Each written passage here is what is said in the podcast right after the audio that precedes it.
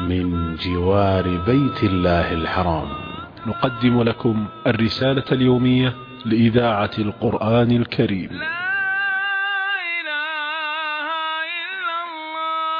بسم الله الرحمن الرحيم والصلاة والسلام على أشرف الأنبياء والمرسلين وعلى آله وصحبه أجمعين. وقفة وداع من جوار بيت الله الحرام بعد أن أتم الحجاج حجهم ولله الحمد وغادر أكثرهم متجهين إلى بلادهم أو إلى المدينة المنورة للصلاة في المسجد النبوي. حيث ورد في الصحيحين عن أبي هريرة رضي الله عنه قال لا تشد الرحال إلا إلى ثلاثة مساجد المسجد الحرام ومسجد الرسول صلى الله عليه وسلم والمسجد الأقصى. وفي الصحيحين أيضا عن أبي هريرة رضي الله عنه قال صلاة في مسجدي هذا أفضل من ألف صلاة فيما سواه إلا المسجد الحرام. متفق عليه. أما هنا في بيت الله الحرام فالبقية الباقية من ضيوف الرحمن بعضهم يطوف طواف الوداع. وفي بداية هذه الرسالة الصوتية نقول أهلا بكم.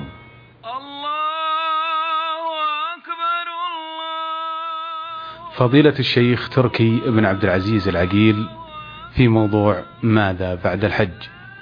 بسم الله الرحمن الرحيم. الحمد لله صلى الله وسلم على رسول الله وعلى آله وأصحابه ومن اهتدى بهداه أما بعد. فأشكر لإذاعة القرآن الكريم هذه الفرصة. نقول إن الرسول صلى الله عليه وسلم قد قال والحج المبرور ليس له جزاء إلا الجنة. وقد بين أهل العلم أن علامة الحج المبرور أن يكون بعد حجه خيرا مما كان عليه. فنوصي إخواننا الذين حجوا وأخواتنا بتقوى الله جل وعلا بعد أداء هذا النسك العظيم وأن يفرحوا بما يسره الله لهم وأن يبدأوا حياة جديدة. فأما ما يتعلق بالبدع والمخالفات الشركية فهذه أول ما ينبغي أن يقضى عليها وأن يعود المسلم إلى سنة النبي صلى الله عليه وسلم أن يكون حريصا على تحقيق التوحيد لله جل وعلا وأن يفرد الله بالعبادة فلا يدعو غير الله ولا يستعين بغير الله وعليه أن يكفر بهذه الأوثان التي تعبد من دون الله جل وعلا وسائر أنواع الكفر من سحر ومن آه، طيرة ومن حلف بغير الله إذا كان المسلم على الإسلام الحق بعد الحج فيرجى إن شاء الله أن يوفق وأيضا أن يتبع شعائر الإسلام الأخرى من إقام الصلاة كما أمر الله في أوقاتها الرجال جماعة والنساء في أوقاتها وإحسان الطهارة وهكذا أيضا أن يحسن تعامله مع الخلق يصل الرحم ويبر والديه ويحسن إلى الناس ويكف شره عن جيرانه ويحرص أيضا على أداء الأمانات وعلى عدم الخيانة وعلى عدم التعدي على المال العام الذي هو لبيت مال المسلمين يتخلق بأخلاق الإسلام ويعطي الناس حقوقهم ويحرص على ما يرضي الله عنه ويكثر من ذكر الله جل وعلا صباحا ومساء.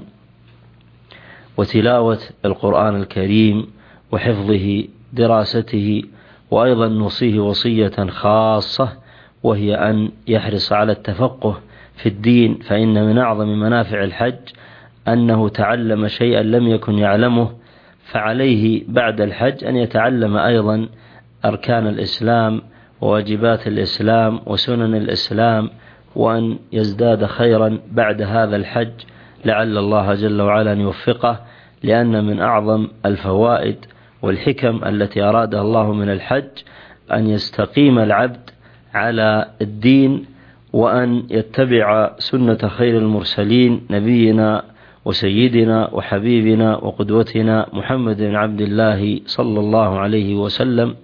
ولهذا ينبغي لنا استشعار هذه المنافع والحرص على تحقيقها كما لا ينبغي أن نغفل أنه ينبغي لنا أن ندعو الله عز وجل بالإعانة كما أوصى النبي صلى الله عليه وسلم معاذا فقال والله يا معاذ إني لأحبك فلا تدعن دور كل صلاة أن تقول اللهم أعني على ذكرك وعلى شكرك وعلى حسن عبادتك فلولا إعانة الله جل وعلا لما يسر الله للعبد شيئا من القربات والأعمال الصالحات ولكنه توفيق الله وهدايته وعونه وتسديده جل وعلا لعبده.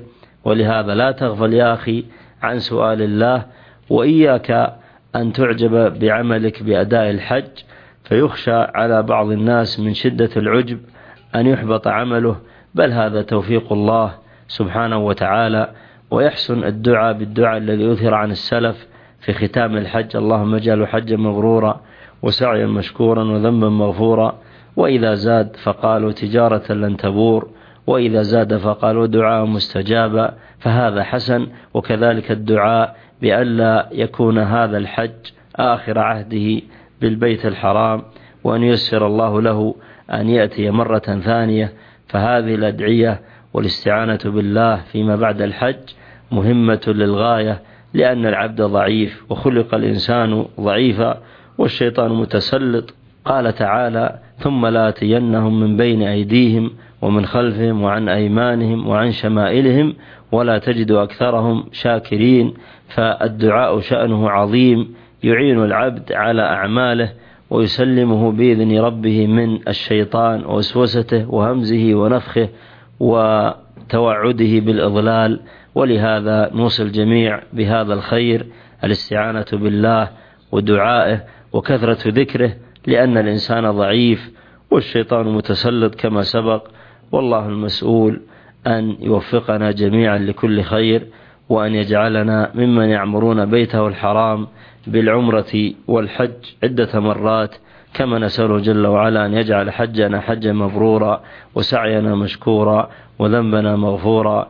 وأن يجعل لنا عنده تجارة لن تبور وأن يجعل دعاءنا إياه دعاء مستجابا مغفورا إنه جل وعلا خير مسؤول وأكرم مأمول وهو على كل شيء قدير وبالإجابة جدير والله أكرم الأكرمين وأرحم الراحمين ونستودعكم الله جميعا يا أيها الحجاج الذي لا تضيع ودائعه والسلام عليكم ورحمة الله وبركاته. كان هذا فضيلة الشيخ تركي بن عبد العزيز العقيل عضو الأمانة العامة للتوعية الإسلامية في الحج وعضو الدعوة بوزارة الشؤون الإسلامية.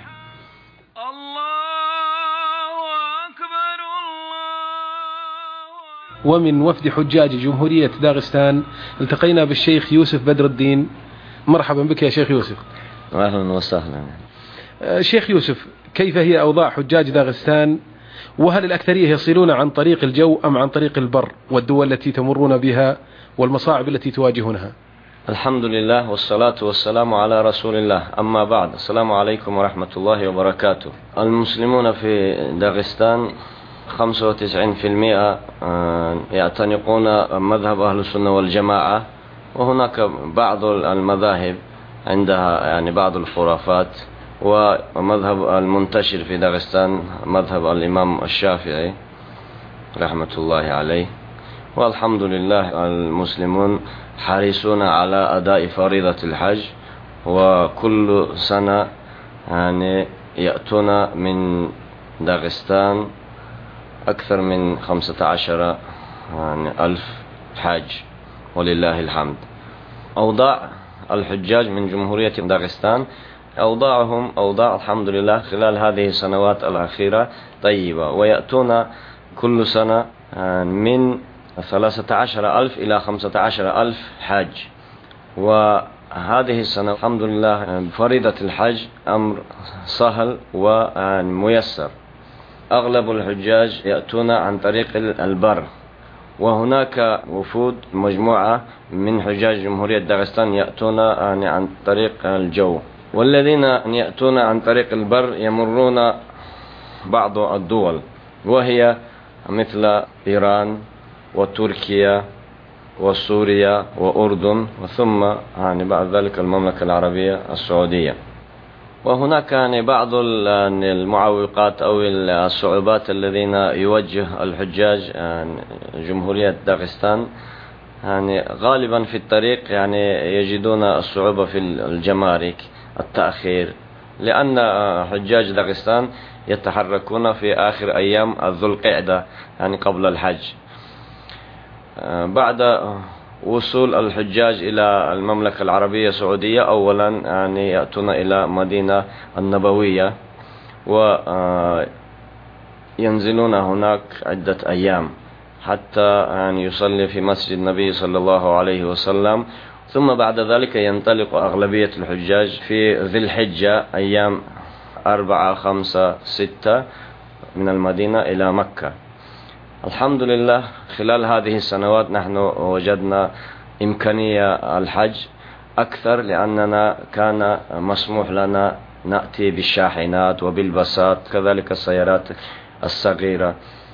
ومما يعني يسهل على حجاج داغستان أداء فريضة الحج أنهم يأتون بالباصات وبالشاحنات ومعهم يوجد آه، مشربهم ومأكلهم ومسكنهم ويتنقلون في داخل المشاعر بسياراتهم.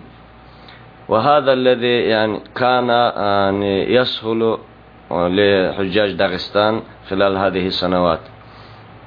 شيخ يوسف بدر الدين آه، كلمة توجهها للحجاج وبالأخص الحجاج من داغستان. نريد أن نوجه كلمة للحجاج عام وكذلك للحجاج يعني داغستان خاص. أن يكون أول أولا يكون يعني الإخلاص لله سبحانه وتعالى وثانيا متابعة رسول صلى الله عليه وسلم. كما قال النبي صلى الله عليه وسلم خذوا عني مناسككم. نسأل الله أن يقبل من جميع الحجاج عامة وحجاجنا وأن يرجعوا سالمين غانمين مقبولين وأن يغفر الله ذنوبهم وأن يوفقهم في الدنيا والآخرة. والسلام عليكم ورحمة الله وبركاته. ومن حجاج جمهورية داغستان الأخ رضوان يوسف بدر الدين مرحبا بك. وأنا أيضا أرحب بكم. الأخ رضوان حبذا لو حدثنا عن أوضاع الشباب في داغستان. بسم الله الرحمن الرحيم الحمد لله والصلاة والسلام على رسول الله أوضاع الشباب في داغستان جيدة ولله الحمد ويحرصون على تعلم العلوم الدينية وتوجد في داغستان جامعات إسلامية ولله الحمد ويحرصون على حفظ القرآن الكريم ويحرصون أيضا على تطبيق العلوم الشرعية وأداء الفريضة فريضة الحج أخي رضوان بما أنك من حجاج هذه السنة انطباعك عن الحج هذه السنة هل واجهتم صعوبات في عرفة في مزدلفة في منى في الجمرات في المطاف في بيت الله الحرام؟ الحمد لله لا توجد صعوبات كثيرة والوضع في هذه السنة ليس كما كنت أسمع بل أفضل بكثير ولله الحمد حيث يوجد الكثير من المشاريع وعلى رأسها جسر الجمرات المتعدد وأيضا القطار والكثير من الخدمات الأخرى. أيضا التسهيلات في التعامل. أخي رضوان علمت من والدك أنك أول حافظ للقرآن الكريم من قبيلتك في داغستان. فهل أسمعتنا شيئا من القرآن؟ أعوذ بالله من الشيطان الرجيم. الحج أشهر معلومات. فمن فرض فيهن الحج فلا رفث ولا فسوق ولا جدال في الحج وما تفعلوا من خير يعلمه الله وتزودوا فإن خير الزاد التقوى واتقون يا أولي الألباب ليس عليكم جناح أن تبتغوا فضلا من ربكم. فإذا أفضتم من عرفات فاذكروا الله عند المشعر الحرام. واذكروه كما هداكم وإن كنتم من قبله لمن الضالين. ثم أفيضوا من حيث أفاض الناس واستغفروا الله إن الله غفور رحيم. فإذا قضيتم مناسككم فاذكروا الله كذكركم آباءكم أو أشد ذكرًا فمن الناس من يقول ربنا آتنا في الدنيا وما له في الآخرة من خلاق. ومنهم من يقول ربنا آتنا في الدنيا حسنة وفي الآخرة حسنة. وقنا عذاب النار. أولئك لهم نصيب مما كسبوا. والله سريع الحساب. ما شاء الله. بارك الله فيك أخي رضوان. أسأل الله أن يقر بك عيني والديك وأن يقبل منا ومنك ومن جميع الحجاج حجهم. إنه بالإجابة جدير. وهنا نلتقي الدكتور سليمان بن صالح الغصن أستاذ العقيدة والمذاهب المعاصرة جامعة الإمام. مرحبا بك فضيلة الدكتور. حياك الله وبارك الله فيكم وفي الإخوة المستمعين. بسم الله الرحمن الرحيم. الحمد لله رب العالمين وأصلي وأسلم على إمام المرسلين نبينا محمد وعلى آله وأصحابه وأتباعه إلى يوم الدين. أما بعد فإن الحج إلى بيت الله نعمة عظيمة بين فضلها رسول الله صلى الله عليه وسلم بقوله الحج المبرور ليس له جزاء إلا الجنة. وفي الحديث الآخر من حج فلم يرفث ولم يفسق رجع من ذنوبه كيوم ولدته أمه. وهذه نعمة عظيمة لمن من الله تعالى عليه بها. فمن وفقه الله سبحانه وتعالى لحج بيته فليحمد الله وليعظم شعائره. ومن يعظم شعائر الله فإنها من تقوى القلوب. وإذا حج على الوجه المشروع وحرص على أن يأتي بالحج كما جاءت به السنة فإن هذا من علامات الحج المبرور بإذن الله. وإذا حج الإنسان فإنه لا يعلم هل هو من المقبولين أم لا وهذا غيب عند الله سبحانه وتعالى. ولكن المسلم يرجو الله سبحانه وتعالى ويعلم أن الله عز وجل لا يخيب عمل من أحسن عمله. ولقد ذكر العلماء أن من علامة قبول العمل أن تكون حال الحاج بعد الحج أفضل من حاله قبل الحج. فإذا وجد الحاج نفسه قد تغيرت إلى الأفضل وإلى الأحسن بعد حجه فليحمد الله عز وجل ويستبشر بهذا الأمر فإن هذا من علامة القبول. وأما إذا لم يتغير إلى الأفضل أو ربما تراجع والعياذ بالله فعليه أن يتدارك نفسه فإن هذا من علامة الخذلان. نسأل الله عز وجل أن يسر للحجاج حجهم وأن يتقبل منهم وأن يجعل سعيهم مشكورا وحجهم مبرورا وأن يوفق الجميع لما يحبه ويرضاه وأن يسدد الخطى فيما يستقبل من العمر. والسعيد من وفق للحج المبرور وللاستقامة بعد الحج على منهج الله وعلى طاعة الله. وصلى الله وسلم على نبينا محمد. فضيلة الدكتور سليمان بن صالح الغصن أستاذ العقيدة والمذاهب المعاصرة جامعة الإمام. كانت هذه هي الرسالة الصوتية الختامية والتي تجولنا فيها بين بعض أهل العلم وبعض ضيوف الرحمن في مكة المكرمة. نسأل الله أن نكون قد وفقنا فيها. وفي الختام هذه تحية زملائي من يقفون خلف هذه الرسائل الصوتية. في الإشراف العام والمتابعة الأستاذ عبد الله بن محمد الدوسري مدير إذاعة القرآن الكريم.